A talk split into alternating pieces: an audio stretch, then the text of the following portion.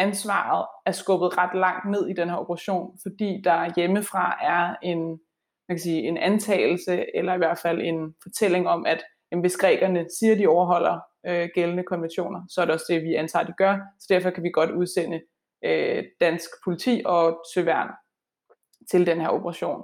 Øhm, og når man så kommer ned i et miljø, hvor man, øh, man kan sige, så faktisk oplever, at det ikke er tilfældet, så, så er det jo en ret hård kontrast.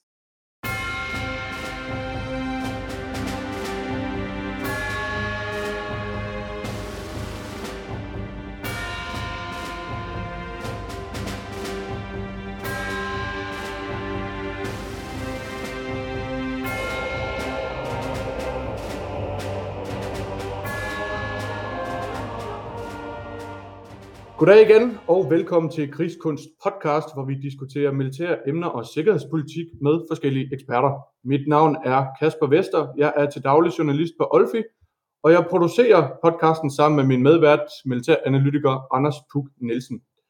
I dag har vi besøg af Josefine Prin Christensen til en samtale om den europæiske kyst- og grænsevagt Frontex, men ganske som jeg plejer, så skal jeg dog først lige huske at nævne, at alle medvirkende kun giver udtryk for deres egne meninger i dette program, og altså ikke taler på vegne af nogle organisationer, som de måtte have en forbindelse til.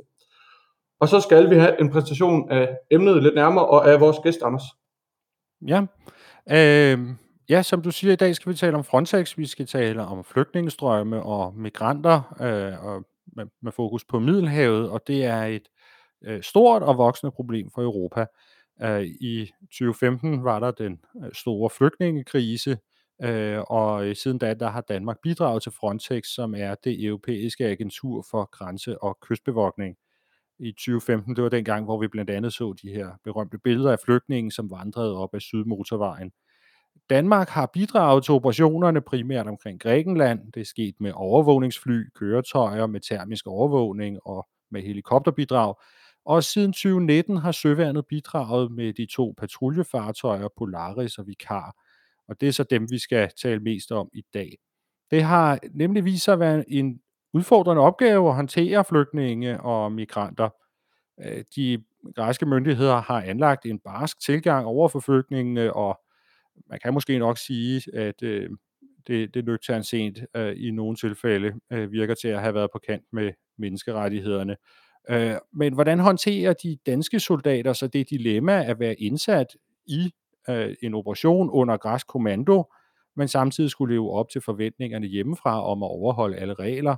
Hvordan har deres oplevelser været med at stå ansigt til ansigt med flygtningene, og hvad har konsekvenserne været, når de har sagt fra over for opgaver? Til at besvare disse spørgsmål har vi besøg af Josefine Prin Christensen. Josefine er premierløjtnant i Søværnet og kanskjent Pol fra Københavns Universitet. I forbindelse med diplomuddannelsen på Forsvarsakademiet lavede hun en opsigtsvækkende undersøgelse om Frontex og de danske soldaters dilemmaer i operationen. Uh, undersøgelsen sætter fingeren på nogle vigtige udfordringer i en operationstype, som nok vil komme til at fylde meget i fremtiden, nemlig den her håndtering af migranter. Og derfor så er det også en fornøjelse, at Josefine har lyst til at fortælle om det her i uh, Krigskunst podcast. Så Josefine Brin Christensen, velkommen til. Tak. Josefine, det kan være, at før vi sådan dykker ned i den konkrete opgaveløsning, at vi lige sådan skal tegne konturen af, øh, hvad det er for en situation, vi er, Danmark er nede og hjælpe med. Kan, kan du prøve at fortælle os lidt om flygtningssituationen i det her område af Middelhavet sådan mere generelt, og hvad det er for en opgave, vi i det hele taget øh, bidrager med at løse her?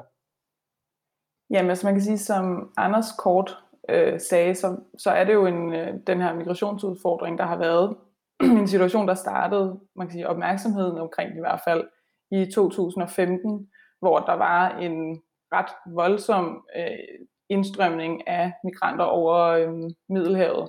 Og det har sådan set, altså man kan sige, det har så været for, for nedadgående, øh, men der har ligesom været et kontinuerligt øh, flow af migranter over Middelhavet. Og det er jo så det, Frontex delvist øh, er, er, man kan sige, er med til at adressere. Øhm, og hvor Frontex jo har et bredere scope, som generelt også handler om altså grænseoverskridende kriminalitet og andre aspekter af det, så må man nok sige, at der hvor søværnets bidrag, i hvert fald opmærksomhedsmæssigt fokus er, det er på den her øh, migrantudfordring. Øhm, og hvis man sådan skal tage lidt det, det, det øjebliksbillede, vi har nu, fordi det er en, en super flydende øhm, situation, så har man set, at der har været en lille smule stigende øh, tendenser til migrantindstrømningen her i 2021, efter man i 2020 egentlig havde altså lidt, der var en stagnering i antallet af migranter, der ankom. Og det var selvfølgelig på grund af altså covid-19, og i det hele taget, der var en begrænset mulighed for at rejse. Øhm, og det man, man kan sige, og covid-19 er virkelig et meget godt eksempel på, de, de fluktueringer, der er i migrationsstrømmene, er enormt afhængige af den politiske situation, der er i, øh, i de pågældende grænselande, men også altså vind- og vejrforhold, så det er enormt sæsonbetinget også, øhm, hvordan flowet ligesom er. Hvad er, det så, og hvad er det den danske rolle? Altså hvad er det sådan to danske patruljefartøjer, de kan bidrage med øh, i den forbindelse? Jamen det, det de danske skibe er nede at lave, det er jo overvågning. Øhm, så man hjælper med at patruljere i farvandet i det ægæiske hav, øhm, som er primært jo grænsen mellem Grækenland og Tyrkiet. Og for øjeblikket er man stationeret på den ø, der hedder Symi, øhm, og så ligger man og hjælper med at lave farvandsovervågning. Øhm, og det, det kan vi vende tilbage til også, men det er en opgave, som har ændret sig lidt, fordi man har tidligere været udstationeret på øen Kos, hvor man i højere grad var engageret i også at øh, altså man kan sige, have den mere direkte kontakt med migranterne. Hmm. Øhm, for at få et indtryk af, hvordan øh, det egentlig er i øh, at, at være udsendt i den her operation her, så, øh, så ringede jeg til øh, kaptajnløjtnant Morten Hvideberg øh, og, øh, og spurgte ham, han har været udsendt dernede for, øh, øh, øh for nylig. Uh, så, øh, så, så for ligesom at, at, at sætte scenen, så kan vi her prøve at, at høre, hvad, øh, hvad Morten sagde. Jeg var udsendt som øh, fartschef fra august til oktober 2020 øh, som sagt som del af Søværens patruljebådsbidrag øh, til Operation Poseidon nede i Middelhavet, sammen med dansk politi. Det danske bådbidrag, bare for at sætte rammen, er stationeret på, på øen Simi, som ligger lige nord for Ruter, som de fleste danskere måske kender fra deres ferieture, og, øh, og ligger ganske tæt, øh, 10 km fra den tyrkiske kyst mod øh, nord og øst. Øh, bidraget består af to patruljebåde, med hver sin besætning bestående af personel fra Søværnet, og selvfølgelig også fra politiet, og så med en græsk forbindelsesofficer ombord. Og derudover så dernede på øen har vi også et støttehold, som skal hjælpe os med at vedligeholde patruljebådene, og selvfølgelig også koordinere indsættelsen med Frontex og de græske myndigheder. Øhm, jeg vil sige, det, det som jeg som fartøjschef øh, dernede synes jeg sådan var særlig interessant, var det her samarbejde med politiet man er ret tæt på hinanden dernede i løsningen af opgaven. Det er man meget bogstaveligt, fordi det er nogle ganske små fartøjer. Der er så mange folk ombord, at det egentlig ikke øh, øh burde være, være muligt. Øh, og så på den her måde, så får man i virkeligheden holdt sin egen og deres faglighed og professionalisme ret tæt op af hinanden. Og nu spørger du sådan til dagligdagen, og jeg kan sige, de første, de første dage, når man kommer derned som besætning, øh, det er nok nemmest for os fra Søværnet. Man er på en sejlende platform, og den kender vi jo godt. Men jeg vil sige, at den politimæssige del af opgaven, den har vi jo ikke rigtig noget med at gøre. Så mit indtryk er også, at det for nogle af politifolkene var sådan en ret stejl læringskurve de første dage, det var dernede. Altså, hvordan er sikkerheden ombord? Hvordan hjælper man hinanden bedst muligt? Hvordan viser vi hensyn til hinanden på den her begrænsede plads? Og så videre, og så videre. Hvordan finder man ud af med, med toiletforhold, med kaffemaskine, med alle de der ting, som man skal finde ud af. Og så de politifolk, jeg havde fornøjelsen af at sejle med dernede, de blev meget hurtigt, synes jeg, en del af besætningen, øh, også i vores fritid. Og det hjalp eksempelvis til på dækket på lige fod med, med dem fra Søværnet. Så man havde i virkeligheden, øh, øh, når man kiggede ud over sin, sin besætning, ikke, så havde man næsten på lige fod søfolk og politifolk sammen. Og så vil jeg egentlig også sige, at, at, at når man så skal have en lang øh, vagt til søs, så må jeg også indrømme, at politihistorierne er øh, væsentligt sjovere at høre på, end alle de der øh, røverhistorier fra Søværnet, som man allerede har hørt mange gange før. Symi det er sådan en, en ganske lille øh, øh, ø, øh, bjergrig ferieø faktisk, hvor forholdene er ret fine for os. Den besøges primært af udenlandske dagsturister, der lige er inde og vende på øen og se øh, øh, det, der nu skal ses på øen, og der er ikke særlig meget at kigge på. Og så kommer der en masse græske øh, turister fra, fra, fra de store øer eller fra fastlandet, som tager det til for at, at slappe af simpelthen. Øh, vores indkvarteringsforhold dernede var, var virkelig fine, og jeg er sikker på, at nogle af vores herre øh, kollegaer ville være ret misundelige over det, vi, vi blev stillet dernede. Og det var også muligt for mange at passe det daglige arbejde derhjemme, sådan nogenlunde i hvert fald på arbejdscomputer og på, på telefon. Når man så lige var kommet ind i opgaven dernede, og havde sejlet de første patruljer, så blev dagligdagen ret hurtigt sådan en ret tålig tørn, synes jeg, mellem sejladser og afslappning på hotellet eller på stranden osv., og, og også med en masse fysisk aktivitet. Fartøjerne er gamle losbåde fra det danske losvæsen, som man har købt og ombygget til opgaven. Og de byder ikke på meget komfort. Der er nogle, øh, sådan nogle flyagtige sæder, man kan sidde i. Dem er der fire stykker af, og så er der en øh, sofa, som man kan sætte sig i, og der er en, en, en seng, øh, to køjer, undskyld, man kan, man kan slange sig på. Og det er ikke et sted, man får særlig meget søvn. Men man kan slappe lidt af. Nu kan jeg så som, som sømand så ikke lade være med at spørge, altså, er de sjove at sejle, de der låsbåde? Det lyder, det, det lyder som sådan nogle, ja. der er ja, ja. hurtige og manøvredygtige og enormt ja, det er de også. Altså det, det er klart, at de har haft øh, deres bedre dage, men øh, øh, Øh, de sejler rigtig fint. Øh, de er meget manøvredygtige, de er ret hurtige, de sejler øh, lige så fint som vores patrulje både herhjemme i Danmark gør. Og, øh, og ja, er, er der sjov at sejle? Det må man da også indrømme.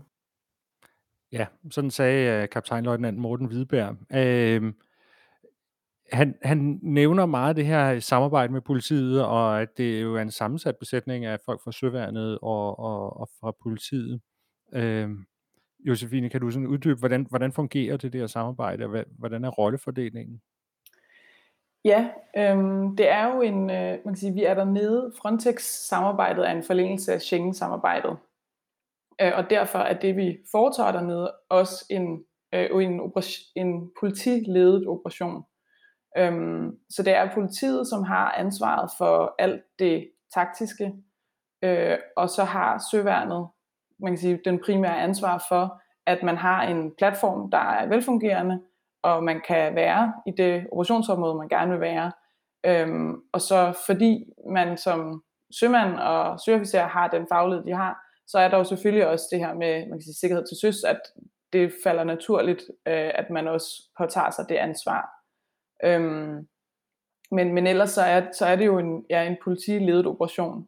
Øhm, og så kan man sige, yderligere er det jo en konstruktion, hvor at man er udsendt under Frontex, så man har ligesom Frontex øverst, og så har vi den danske sådan, politiled, og så er søværnet jo sådan set øh, nede under her, som, som dem, der bare driver platformen.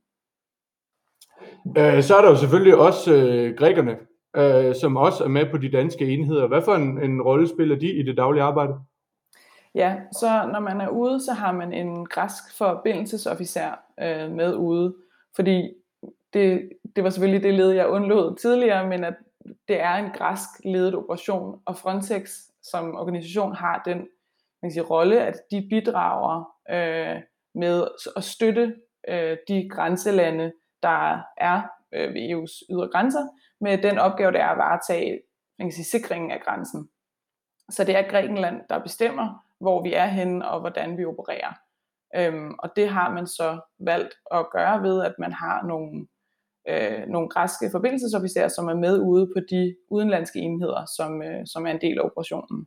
Og de har så kontakten ind i land til de græske myndigheder, og ligesom styre, øh, hvordan de gerne vil indsætte øh, det danske bidrag.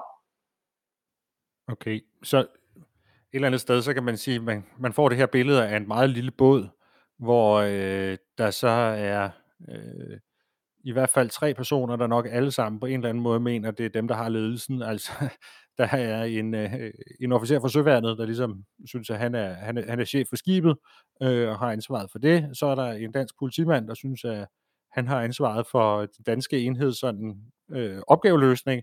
Og så er der så en græsk forbindelsesofficer, som synes, at han har ansvaret for at lede i forhold til Frontex, øh, de, altså direktiverne derfra. Sådan, er, det, er det nogenlunde korrekt stillet op?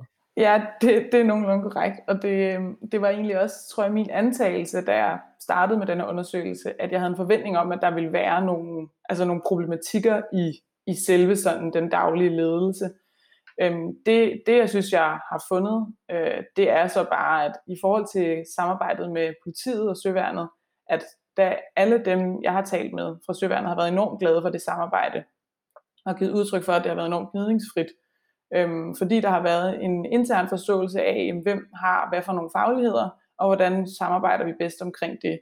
Øhm, så der har ikke umiddelbart i det samarbejde været, øh, man kan sige, sådan som jeg kan se det i hvert fald, nogle, øhm, nogle problematikker. Men det er klart, det er en svær operation at skulle indsættes i, hvis man skal forstå præcis, hvad ens egen rolle er, øh, sådan ansvarsmæssigt og ledelsesmæssigt. Fordi der er så mange øh, autoritetspersoner i det her øh, setup. Har, har det givet anledning til frustrationer for øh, de danske soldater, der har været udsendt her? Det billede, jeg synes, der tegnede sig af dem, jeg talte med, det var, at der var en lille smule forvirring i forhold til, inden man øh, skulle sende sig sted omkring, hvem er det egentlig, der er, der er min øh, one-up, eller den, der tager beslutninger på, på vegne af det, vi foretager os. Øhm, men i, man kan sige, i den i den operation, man indgår i, og den måde, man udlever mandatet, der har man, der har man valgt at sige, mm, jeg har som søofficer en faglighed og et ansvar for sikkerhed og for sikkerhed til søs. Og så har man ligesom påtaget sig den rolle og valgt at måske sådan lidt mere implicit skærer et rum ud, hvor man kan operere lidt mere frit. Øhm, og det, det har de, man kan sige, det har man jo gjort, men også blevet givet altså rummet til at gøre. Øh, og det tror jeg egentlig har været, været ret godt i forhold til, at man så har kunne operere øh, inden for nogle rammer, men hvor man så har sørget for at have, ja, have plads til at sige, jamen, inden for det her øh, rum, som hedder sikkerhed og ansvaret for det, der er det, der er det mit ansvar øh, som, øh, som søofficer.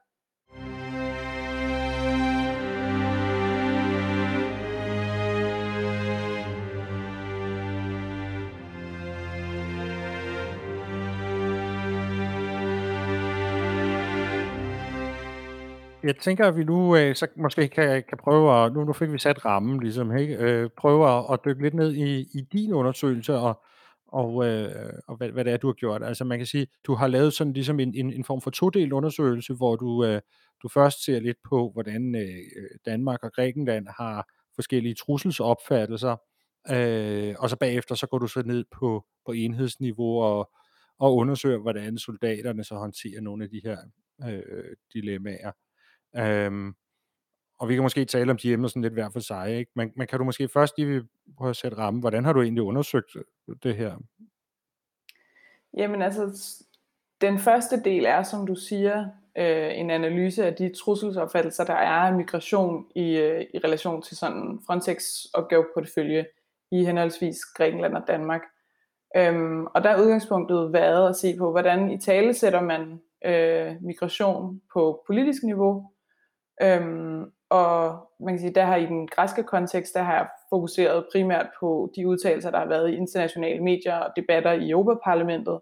Og i den danske kontekst, der har jeg så for størstedelen folk mig til svar, der er givet i Folketinget omkring den danske Frontex-deltagelse, øhm, både før og efter øh, indsættelsen af søværnets kapaciteter. Øhm, og så har jeg set på rapporter omkring, hvordan øh, henholdsvis øh, danske og græsk øh, græske øh, Frontex udsendte adfærd bliver rapporteret i forskellige internationale medier. Og så som, som du nævner, så den anden del, der går jeg så lidt mere ned på enhedsniveauet, og der, det har jeg ligesom undersøgt ved, at jeg har talt med folk, der har været en del af operationen, som øh, skibschefer på forskellige stadier i operationen. Øhm, og så har jeg fået et billede af, man kan sige, hvad for en udvikling der har været, og hvordan de har oplevet at være, at være en del af den her operation. Vi kan lige prøve at starte med og så se på, på makroniveauet. Det er ligesom det første niveau, du kigger på. Altså, hvordan ser Danmark og Grækenland forskelligt på, på, på den, de her flygtningestrømme, eller på flygtningene og på, på truslen fra dem, eller den, hvordan i tale sætter de det? Jamen, i forhold til den øh, forskel, der er øh, i, hvordan man anskuer de her migranter, der, der er et væsentligt aspekt jo, at man i Grækenland i langt højere grad har haft migranterne altså direkte ved landets grænser øh, og de er i meget højere grad ankommet til Grækenland og blevet i Grækenland. Øhm, og derfor er hele man kan sige, migrantsituationen også meget mere præsent for græske politikere, fordi det, har en, det er meget mere synligt for den almindelige græske borger. Øhm, og så har der været, øhm, været nogle tilfælde, hvor at migranterne er blevet set som, som værende en brik i den konflikt, øh, Grækenland har med Tyrkiet i det ægæiske hav. Og det har selvfølgelig også været med til at øge det billede af, at øh, migranterne udgør øh, en trussel øh, mod Grækenland. Og der har været, øh, man kan sige, en del øh, udtalelser i forskellige medier, hvor græske politikere simpelthen i talsætter de her migranter som værende en eksistentiel trussel mod øh, Grækenland. Og det peger jo både, man kan sige, retning af en opfattelse af, at det er en trussel mod sådan den græske identitet og den græske økonomi. Øhm, men, men der er klart et billede af, at, ja, at det er en alvorlig situation. Og det er jo så også derfor, kan man sige, at vi ser en helt anden adfærd i relation til migranterne, øhm, når man ser på, hvordan grækerne indgår i operationen. Øhm, og hvis man så kigger på Danmark, så har man jo i en årrække ført en, altså en strammere og strammere kurs over for migranter herhjemme. Øhm, men når man konkret ser på Frontex-operationen, så er det helt tydeligt, at man fra den side altså grundlæggende har det andet udgangspunkt, og at man tager det som en selvfølge, at man i operationen overholder altså grundlæggende rettigheder, øh, de internationale forpligtelser, vi har. Øhm, så man, man, er, man er et helt andet sted i, i trusselsopfattelsen af, af migranterne. Ja. Er det, er det helt forkert at sige, at øh, danske politikere øh, er, har en, øh, en holdning i forhold til øh, flygtninge i Danmark, men har en meget mere øh, øh, anderledes øh, hvad skal man sige, principiel holdning til øh, flygtninge i Grækenland, og synes, at det sidste er et meget mindre problem? Det er nok svært at svare på, og jeg ved heller ikke, om man kan sige, at de nødvendigvis har en helt anden opfattelse, fordi jeg tror, man det bliver meget kontrafaktisk at forestille sig, at man, man kan sige, at man at skulle sidestille den adfærd, grækerne har med, hvordan Danmark øh, positionerer sig. Fordi man, bare, man står bare i en fundamental anden situation, og der har været et helt andet, man kan sige, et helt andet forløb og en helt anden offentlig debat omkring det. Øhm, så derfor stiller man sig anderledes i forhold til Frontex, og så har vi en anden national debat. Øhm, og det kan man jo også se, kan man sige, at den måde, man diskuterer altså hjemsendelse af syriske flygtninge og sådan noget, der, der, der stiller man sig jo også nogle gange, når man sammenligner med andre europæiske lande, øhm, man kan sige et, et sted, hvor man, øh, man, man, man presser grænserne. Øhm, men, men jeg tror også bare, man, man må nok også bare sige i forhold til den måde, vi positionerer sig i forhold til Frontex, at, at det er jo også bare en accept af nok, at altså, flygtninge- og migrantpolitik generelt er enormt sensitivt på europæisk plan. Øhm, og derfor kan man sige, ønsker man heller ikke at engagere sig enormt meget i, i den debat, der er omkring, hvordan øh, Frontex-operationerne foregår.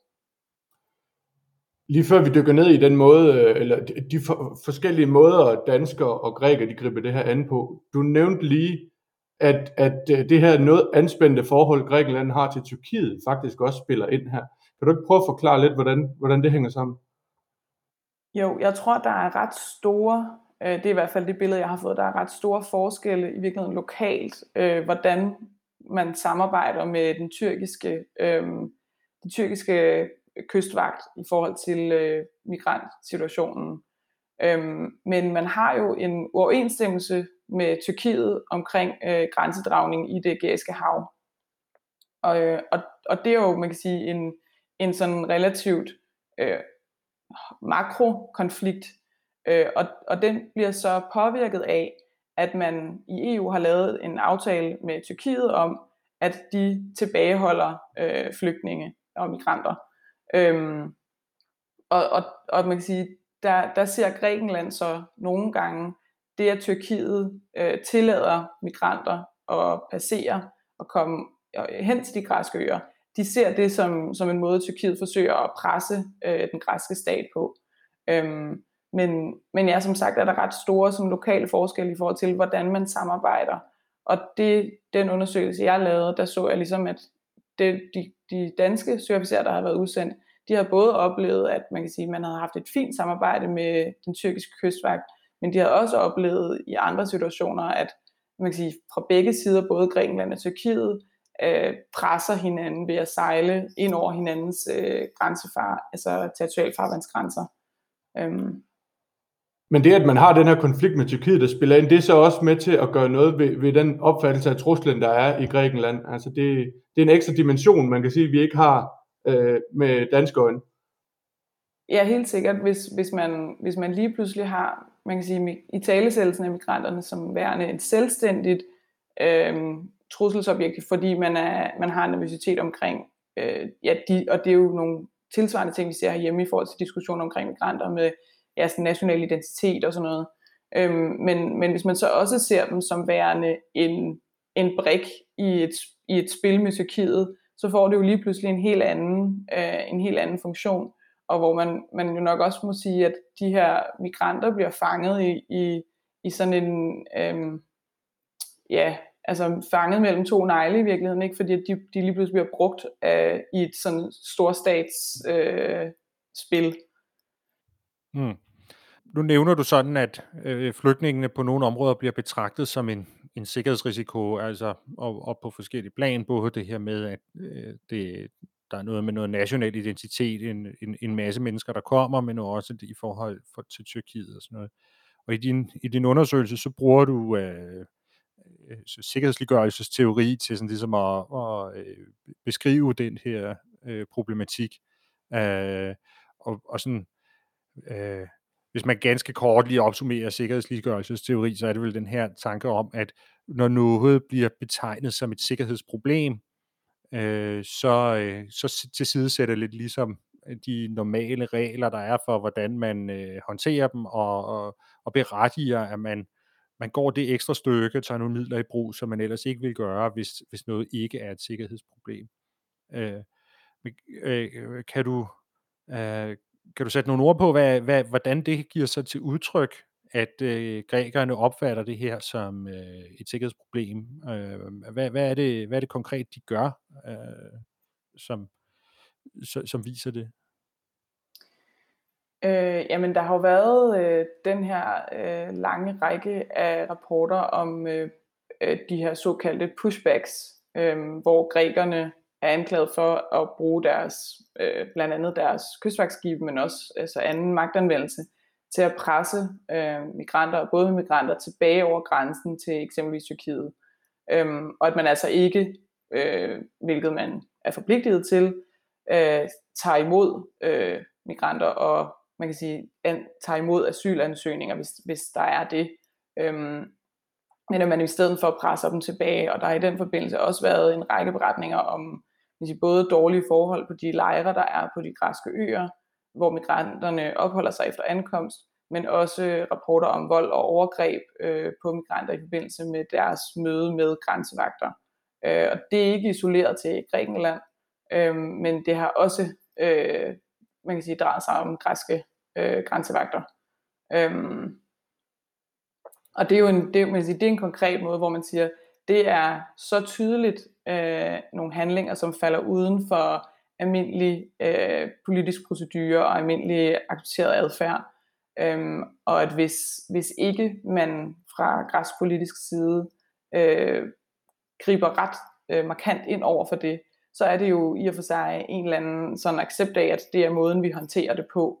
Og for at nå derhen, øh, skal mit argument så være, at der, skal, der har der været en, man kan sige, en proces, hvor man får i talesat de her migranter som værende en, en trussel til en sådan grad, så det er en nødvendighed at handle på den måde.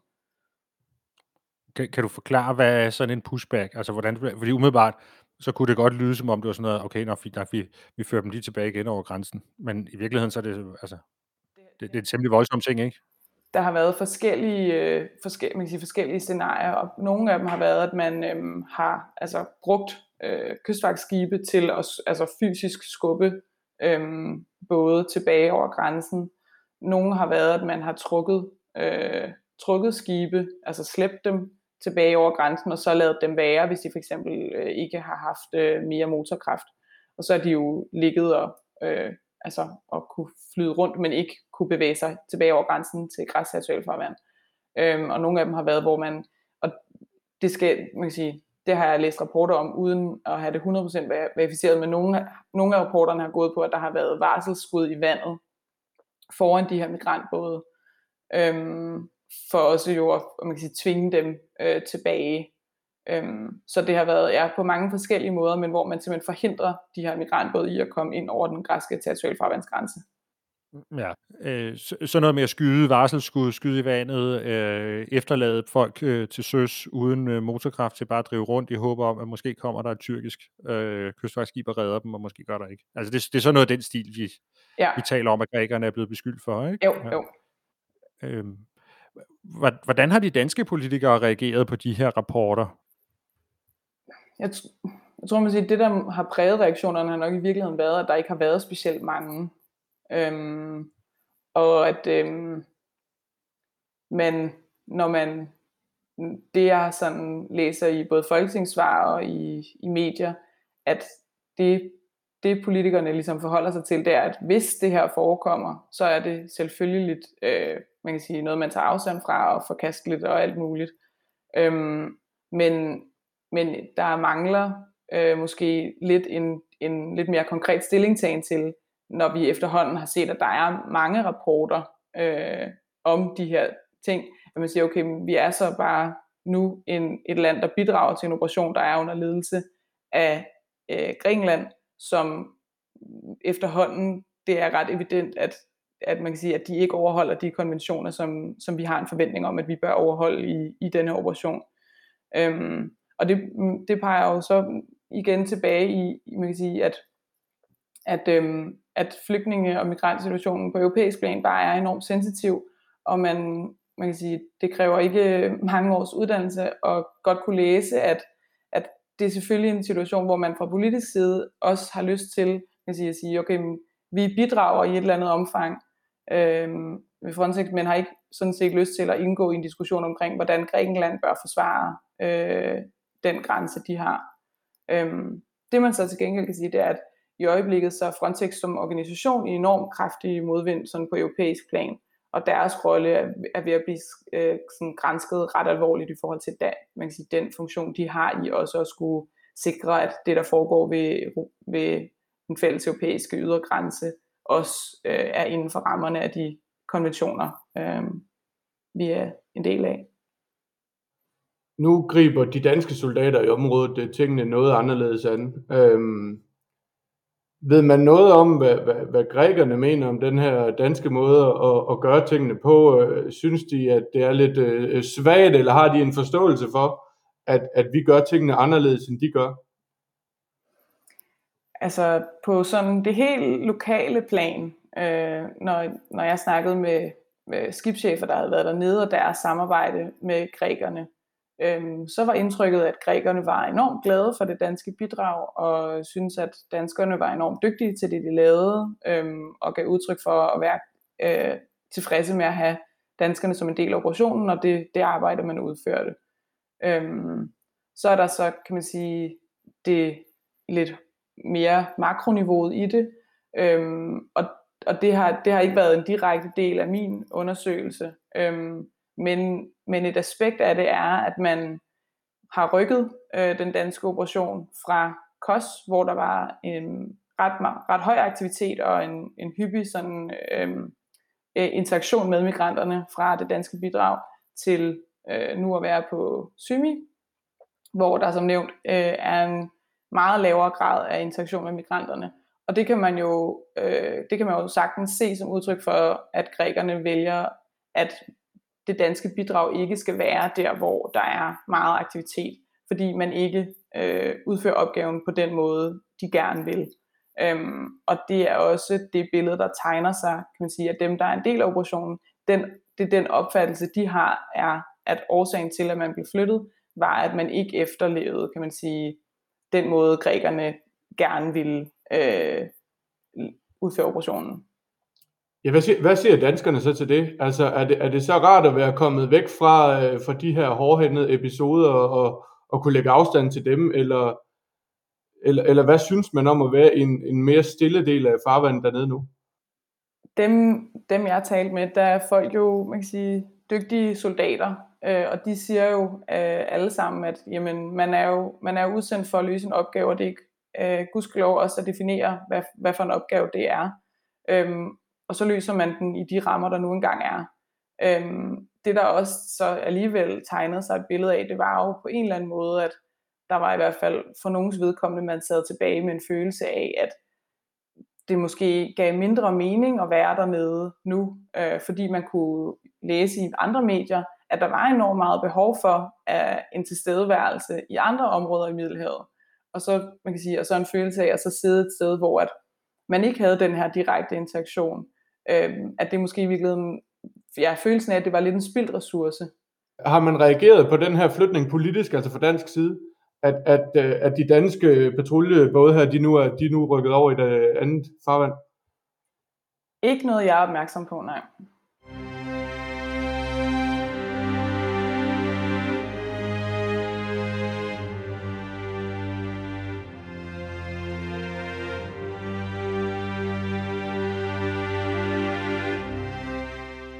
Optakten til, at øh, det danske bidrag blev flyttet fra Kos over til Symi, øhm, øh, det, det var jo, at øh, et, et par måneder inden, der var der den her episode i, i marts 2020, hvor en dansk skibschef øh, nægtede at, at følge de ordre, han fik fra, øh, fra, fra Frontex eller fra den græske kystvagt.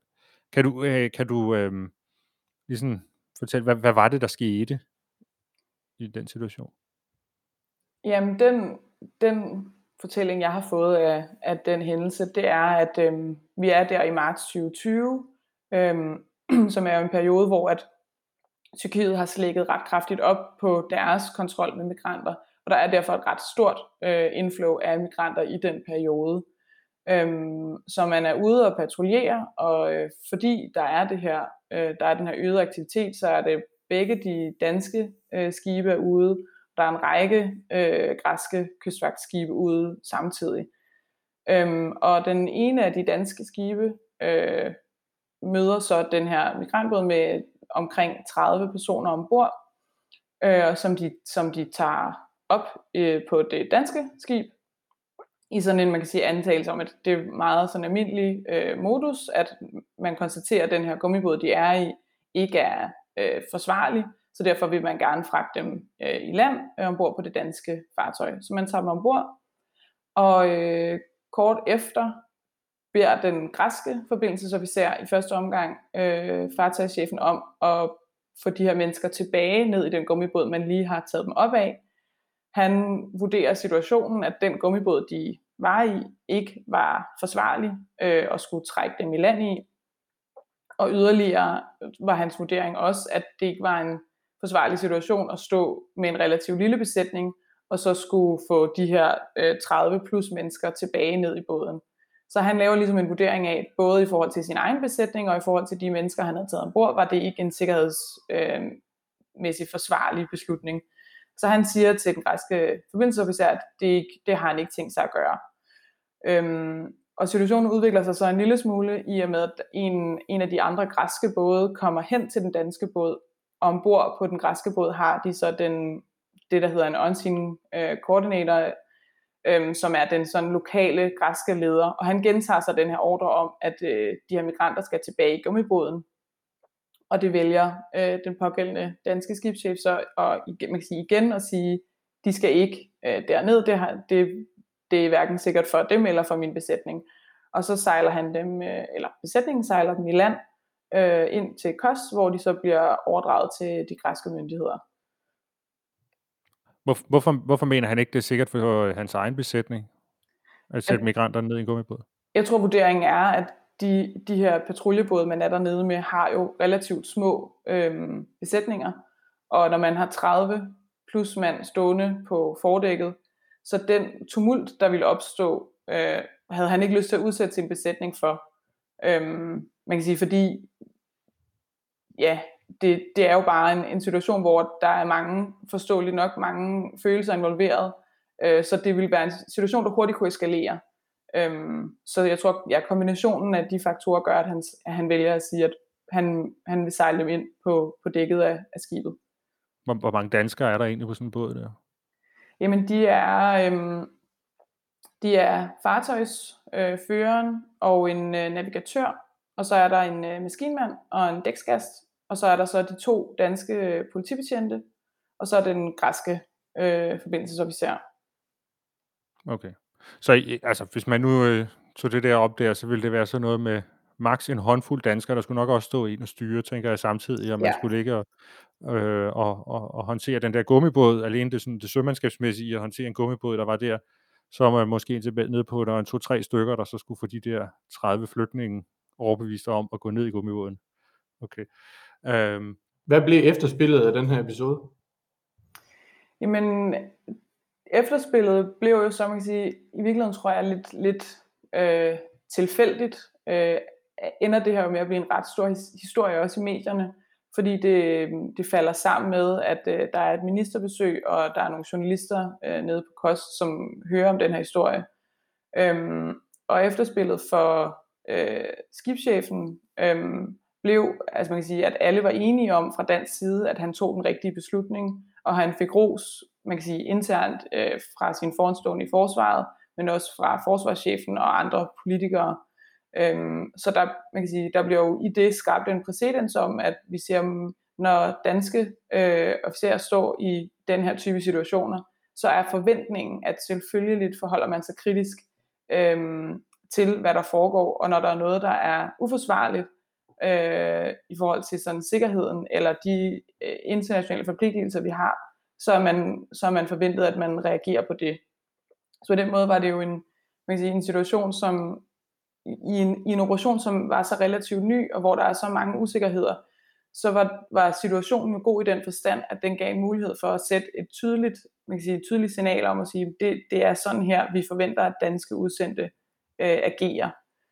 Det, der var man kan sige, efterspillet i Grækenland, øh, er jo så i hvert fald den opfattelse, der er blandt dem, der er en del af operationen, er jo så, at det, det er ret konkret den hændelse, der fører til, at man, øh, at man har skiftet fra kost til symi.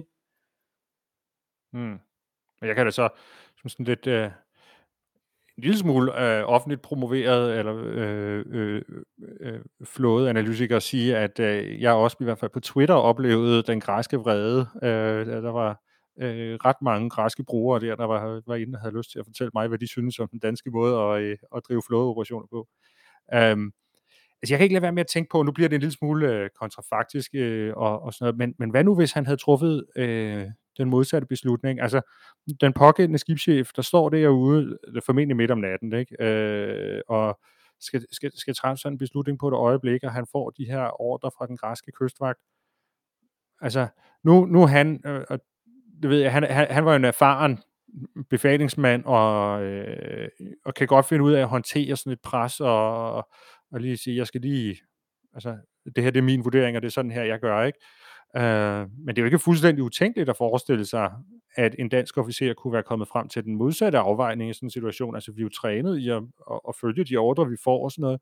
Altså, hvad, havde, hvad havde øh, konsekvenserne været af, at øh, den danske officer havde fulgt øh, de græske ordre i det her tilfælde, og man så havde haft sådan en, en frygtelig historie om, hvordan Danmark havde været med til at måske forårsage, at der var nogen, der døde, eller hvad ved jeg. Jamen, jeg, jeg, jeg, jeg tror, det bliver næsten for kontrafaktisk at forestille sig, hvad, hvad, hvad udspillet ville være, fordi man kan sige, der ville både være det, vis, der hed, at man havde en fartøjsfører, som havde gjort det modsatte, øh, og et scenarie, hvor det samtidig også skete, mens der var mediebevågenhed. Øhm, så jeg har svært ved at forestille mig, hvad man kan sige, hvad specifikt scenariet ville være, men ja, det, det jeg fisker lidt efter, det er, øh, har, har de udsendte danske soldater, har de øh, overfor dig givet udtryk for, at øh, øh, de har øh, øh, haft nogle instrukser hjemmefra om, hvordan de skal håndtere de her ting, eller er de her meget, meget svære dilemmaer i virkeligheden skubbet meget, meget langt ned i organisationen, og med sådan en, det her, det må I selv finde ud af. Øh, for mig ville det jo ikke være fuldstændig utænkeligt, at hvis den her mand havde truffet den modsatte beslutning i den situation, så havde det rent faktisk været noget, der kunne give ham øh, problemer, fordi det måske havde været strafbart i forhold til dansk lov. Ikke? Altså, så, så, så man kunne have bragt sig i, i, i sådan nogle, nogle vanskeligheder. Altså, har de givet udtryk for, at det, det har de været godt forberedt på, eller, eller har vi ligesom presset det her ned og så sagt, det, det her det, det er lidt for bøvlet at tage stilling til på politisk niveau, så det må I lige selv tage hånd om. Altså, alle de udsendte øh, er jo på noget missionsforberedende uddannelse, øh, hvor man ligesom gennemgår, hvad er, øh, hvad er regelsættet, hvad er operationsområdet. Øh, og man kan sige, det er, den, det er jo den introduktion, der er øh, til, til det, man skal ned og foretage sig. Øh, jeg tror, at grunden til, at jeg også synes, det er svært at forholde mig man kan sige, til det kontrafaktiske, det er, at for, for alle dem, jeg talte med, der var det så præsent, at det de som minimum havde ansvar for, det var sikkerheden. Det var sikkerheden for deres besætning, og det var sikkerheden, når man taler mere sådan generelt sikkerhed til søs. Øhm, så jeg tror, scenariet er jo måske, at man kan godt, jeg synes, man kan sagtens argumentere for, at øh, ansvaret er skubbet ret langt ned i den her operation, fordi der hjemmefra er en, man kan sige, en antagelse, eller i hvert fald en fortælling om, at jamen, hvis grækerne siger, at de overholder øh, gældende konventioner, så er det også det, vi antager, de gør. Så derfor kan vi godt udsende øh, dansk politi og søværn til den her operation. Øhm, og når man så kommer ned i et miljø, hvor man, øh, man kan sige, så faktisk oplever, at det ikke er tilfældet, så, så er det jo en ret hård kontrast. Øhm, men for danskerne tror jeg bare, min oplevelse med dem, jeg har talt med, har været, at det er ikke en kontrast, hvor de er i tvivl om, de skal stille sig på den ene eller på den anden side. Det er en svær beslutning at tage, man kan sige, at gå imod en ordre, men det er, det er så ind, indbygget øh, hos dem, at de har ansvaret for sikkerheden. Så jeg kan, jeg kan næsten ikke se scenariet, hvor at, man kan sige, det, det var tippet til den anden side. Mm, men det, hvis man nu kunne gøre det sikkerhedsmæssigt forsvarligt, altså hvis nu tager sådan et eksempel, det, så siger det drejede sig om to flygtninge, for eksempel. Jamen hvis det drejede sig om to flygtninge, og så, og så, man sige, og så skal man videre sige, og hvis, hvis, hvis man var blevet bedt om at slæbe dem ind i gummibåden, så havde der for så vidt heller ikke været noget konventionsstridigt i det. Øhm, så det havde man jo godt kunne gøre. Øhm, så så det, er jo, det er jo lidt, hvad er det, man bliver bedt om. Øh, man kan sige, ja. Nu gik det jo så sådan, at, at den danske del af opgaveløsningen er flyttet til, et andet, øh, til en anden ø, eller med udgang, tager udgangspunkt i et andet geografisk område. Og, og, og man, må, man må antage, det er i hvert fald det, der har været billedet nu, at nu er der ikke samme risiko for de, den her, de her situationer, at de overhovedet opstår. Så kunne man jo spørge sådan en lille smule provokerende måske, er det så gået hen i hvert fald øh, fra et dansk perspektiv og blevet til en symbolsk operation, vi deltager i? Ja, altså det er i hvert fald et, det, er et, det, det tror jeg ikke, der er, at man sådan lige kan svare øh, ja eller nej til. Men det, det man oplever ved at være i den operation, øh, som danskerne er i nu, det er jo, at man siger, den balancegang, som vi øh, lige har diskuteret, er langt sværere for den enkelte at finde ud af. Fordi det, man, øh, det mange oplever ved udsendelserne, på, øh, som de foregår på Symi, det er, at man, man varetager den her farvandsovervågning, og hvis der så er observationer, så bliver man bedt om at sejle et andet sted hen, hvor at, øh, der så også er rapporter om observationer, men hvor der så, det har i hvert fald været erfaring, at der så typisk ikke har været specielt meget, fordi grækerne så selv håndterer det. Øhm, og man kan sige, på den måde får man jo nogle af de her dilemmaer ud på en større afstand i forhold til, man bliver ikke direkte konfronteret med det, og det gør det jo langt sværere egentlig at forholde sig til nogle af de dilemmaer, der er i operationen. Øhm, så, så jeg ved ikke, jeg tror ikke, man kan svare på, om det er en symbolsk operation som sådan, men jeg tror, at de dilemmaer, som der var på KOS, er der i lige så høj grad på Symi, og i virkeligheden tror jeg, at de er blevet sværere for den enkelte at forholde sig til, fordi de er kommet, de er kommet ud i, man kan sige, det de er blevet langt mere abstrakt at forholde sig til, øhm, frem for hvis du står konkret med nogle mennesker på dækket, og skal forholde dig til, skal de sende dem her ned i en gummibåd eller ej. Øhm. Mm. Ja, fordi en af de ting, jeg synes er fascinerende, øh, som du beskriver i din undersøgelse, det er, at øh, faktisk det her med at få klassificeret noget som et sikkerhedsproblem, øh, altså fra den danske side, øh, det, har, øh, det har været sådan en form for coping-mekanisme, som øh, besætningerne egentlig har kunne bruge til ligesom at, øh, hvis vi har været, været i tvivl om, hvad gør vi i den her situation, og vi har nogle grækere, der siger en ting, så kan vi lige løfte det til at være et, øh, et sikkerhedsproblem, fordi øh, så, øh, så, så, så afslutter det en, en hel masse diskussioner. Så siger det er ikke sikkerhedsmæssigt forsvarligt. Uh, så det, så nu, nu, er det, nu er det her en søredning. Uh, ja. Øhm. ja, og man kan sige, hele, hele, hele det her spil med, at man, man vel, har valgt tidligere, øhm, stort set uden undtagelse, at når man øh, når der var en migrantbåd, så, så definerede man fra dansk side, at jamen, så var der tale om en search and rescue, altså det vi kalder en SAR, Øhm, og så, så, så når man først har defineret det som værende en sådan hændelse, så, så ved man ligesom bare uden undtagelse, jamen så gælder der øh, nogle helt faste regler for, hvad vi må og hvad vi ikke må. Og, og det ligger sig jo, man kan sige, det ligger sig jo enormt meget op af det, som man i det danske søværn også er vant til at forholde sig til. En stor del af den opgave, man i søværnet laver i Nordatlanten og i de nationale farvand, handler jo netop om de her øh, SAR-operationer. Så når man er udsendt, og man så kan, man kan sige, definere situationerne, så man måske ellers kunne være lidt i tvivl om, hvordan man skulle håndtere i, i de termer, så bliver man lige pludselig i stand til at tage ansvar for, jamen så er det mig, der har hatten, så at sige. Det er mig, der, der ved, hvordan jeg skal agere i det her.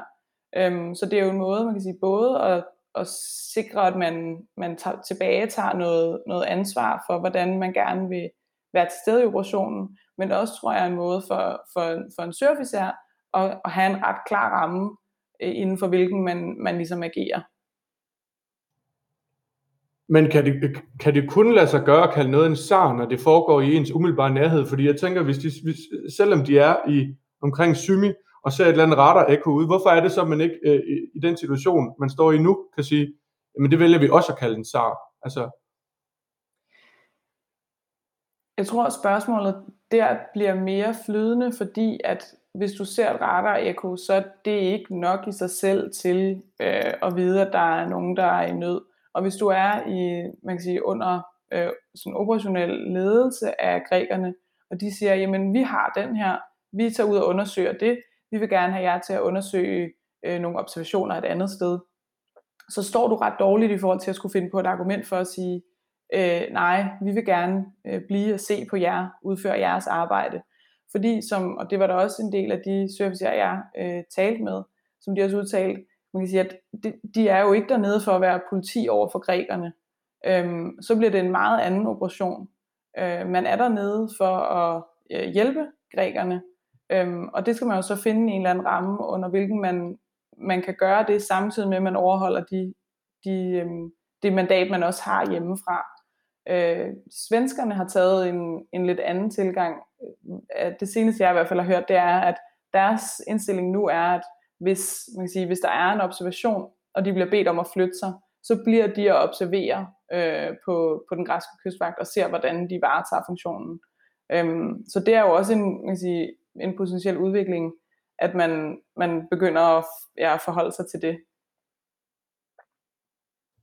jeg, jeg tænker, at vi, øh, vi så småt øh, nærmer os øh, afslutningen på, øh, på det her. Det har, øh, det har været en fascinerende samtale. Altså, øh, det er...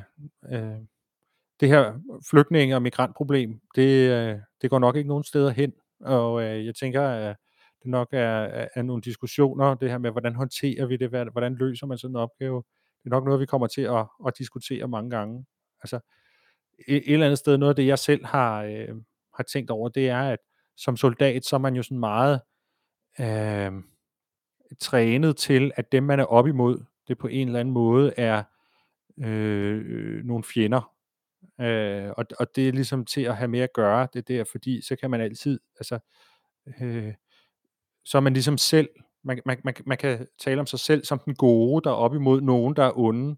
Men et eller andet sted, så bliver det her bare øh, brudt, øh, det, det, den referenceramme bryder sammen, når det er, man er oppe at tale om, om migranter, ikke? fordi det er, øh, der, der er bare ikke rigtig nogen gode løsninger på, øh, på de her udfordringer. Altså, øh, om, om det, kan det ikke være svært at bevare, det, det kunne jeg faktisk godt tænke mig at spørge om her til sidst, øh, øh, de mennesker, du talte med, som har været udsendt i det her, sagde de selv noget om, hvordan de havde haft det med at, øh, at møde de her flygtninge, og, og, og hvad det havde gjort ved dem, sådan, øh, Jamen, mentalt, hvordan de har håndteret det?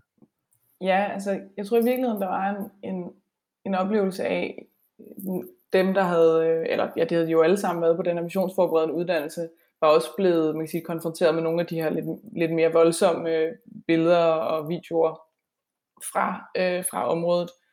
Øhm, og jeg tror, der var, der var flere af dem, som ligesom sagde, måske man havde en følelse af, at i virkeligheden så håber man jo lidt, at man ikke bliver konfronteret med det, fordi det er, øh, det er voldsomt. Øhm, og når man så er dernede, så vil man jo alligevel gerne øh, udføre en opgave, og man vil gerne hjælpe. Øhm, så jeg tror, der er helt klart sådan en dobbelthed i, i det der med, at man jo på den ene side sådan helt på det individuelle plan ikke har lyst til at blive konfronteret med de her virkelig forfærdelige ting, men at man samtidig, når man så er afsted, så vil man enormt gerne øh, være en del af løsningen og, og, og også man kan sige, bidrage positivt øh, i en situation, som på alle mulige måder for, for de implicerede personer jo er forfærdelig. Øh, og jeg, jeg tror, det, jeg tror, det er en, man kan sige, det er en god pointe, du, du har i forhold til, til den klassiske sådan rolle som, som soldat, at man har en eller anden forestilling om, at når vi har en, vi har en fjende, øhm, og, og der må man nok bare sige, at det, det billede, der, der, der kommer til at gøre sig gældende fremadrettet, det er specielt for søværnet jo, at den type opgaver, vi er med til at løse, er bare enormt divers. Øh, og det er ikke de her klassiske øh, to aktørs scenarier, hvor der er en, en, øh, en fjende i situationstegn og, en, og en, nogle gode allierede. Øhm, det, det er jo bare, det, det trusselsbillede, der generelt er, det er, at truslen er ikke nødvendigvis øh, en ond person. Øhm, det, og det er jo det, der også gør det enormt interessant, og, synes jeg, og man kan sige, at diskutere, hvordan er det, vi talesætter ting som værende trusler. Øhm, hvad er det, der, der gør øh, bestemte hændelser eller personer til, øh, til trusler? Og med det øh, er det øh, blevet tid til at runde af for den her gang. Uh, hvis man ønsker at dykke længere ned i emnet, så er Josefines uh, projekt tilgængeligt på Forsvarsakademiets hjemmeside, og vi lægger et link til det i shownoterne, og så kan man gå ind og, og downloade det. Josefine Prin Christensen, tak fordi du ville være med. Det var så lidt. Og øh, til lytterne, hvis du ikke allerede abonnerer på Krigskunst podcast, så kan du gøre det ved at gå over på krigskunst.dk og finde det link, som passer til din foretrukne podcast afspiller. Vi udkommer cirka en gang om måneden, og hver gang er det med en ny samtale om et aktuelt militært emne på genhør.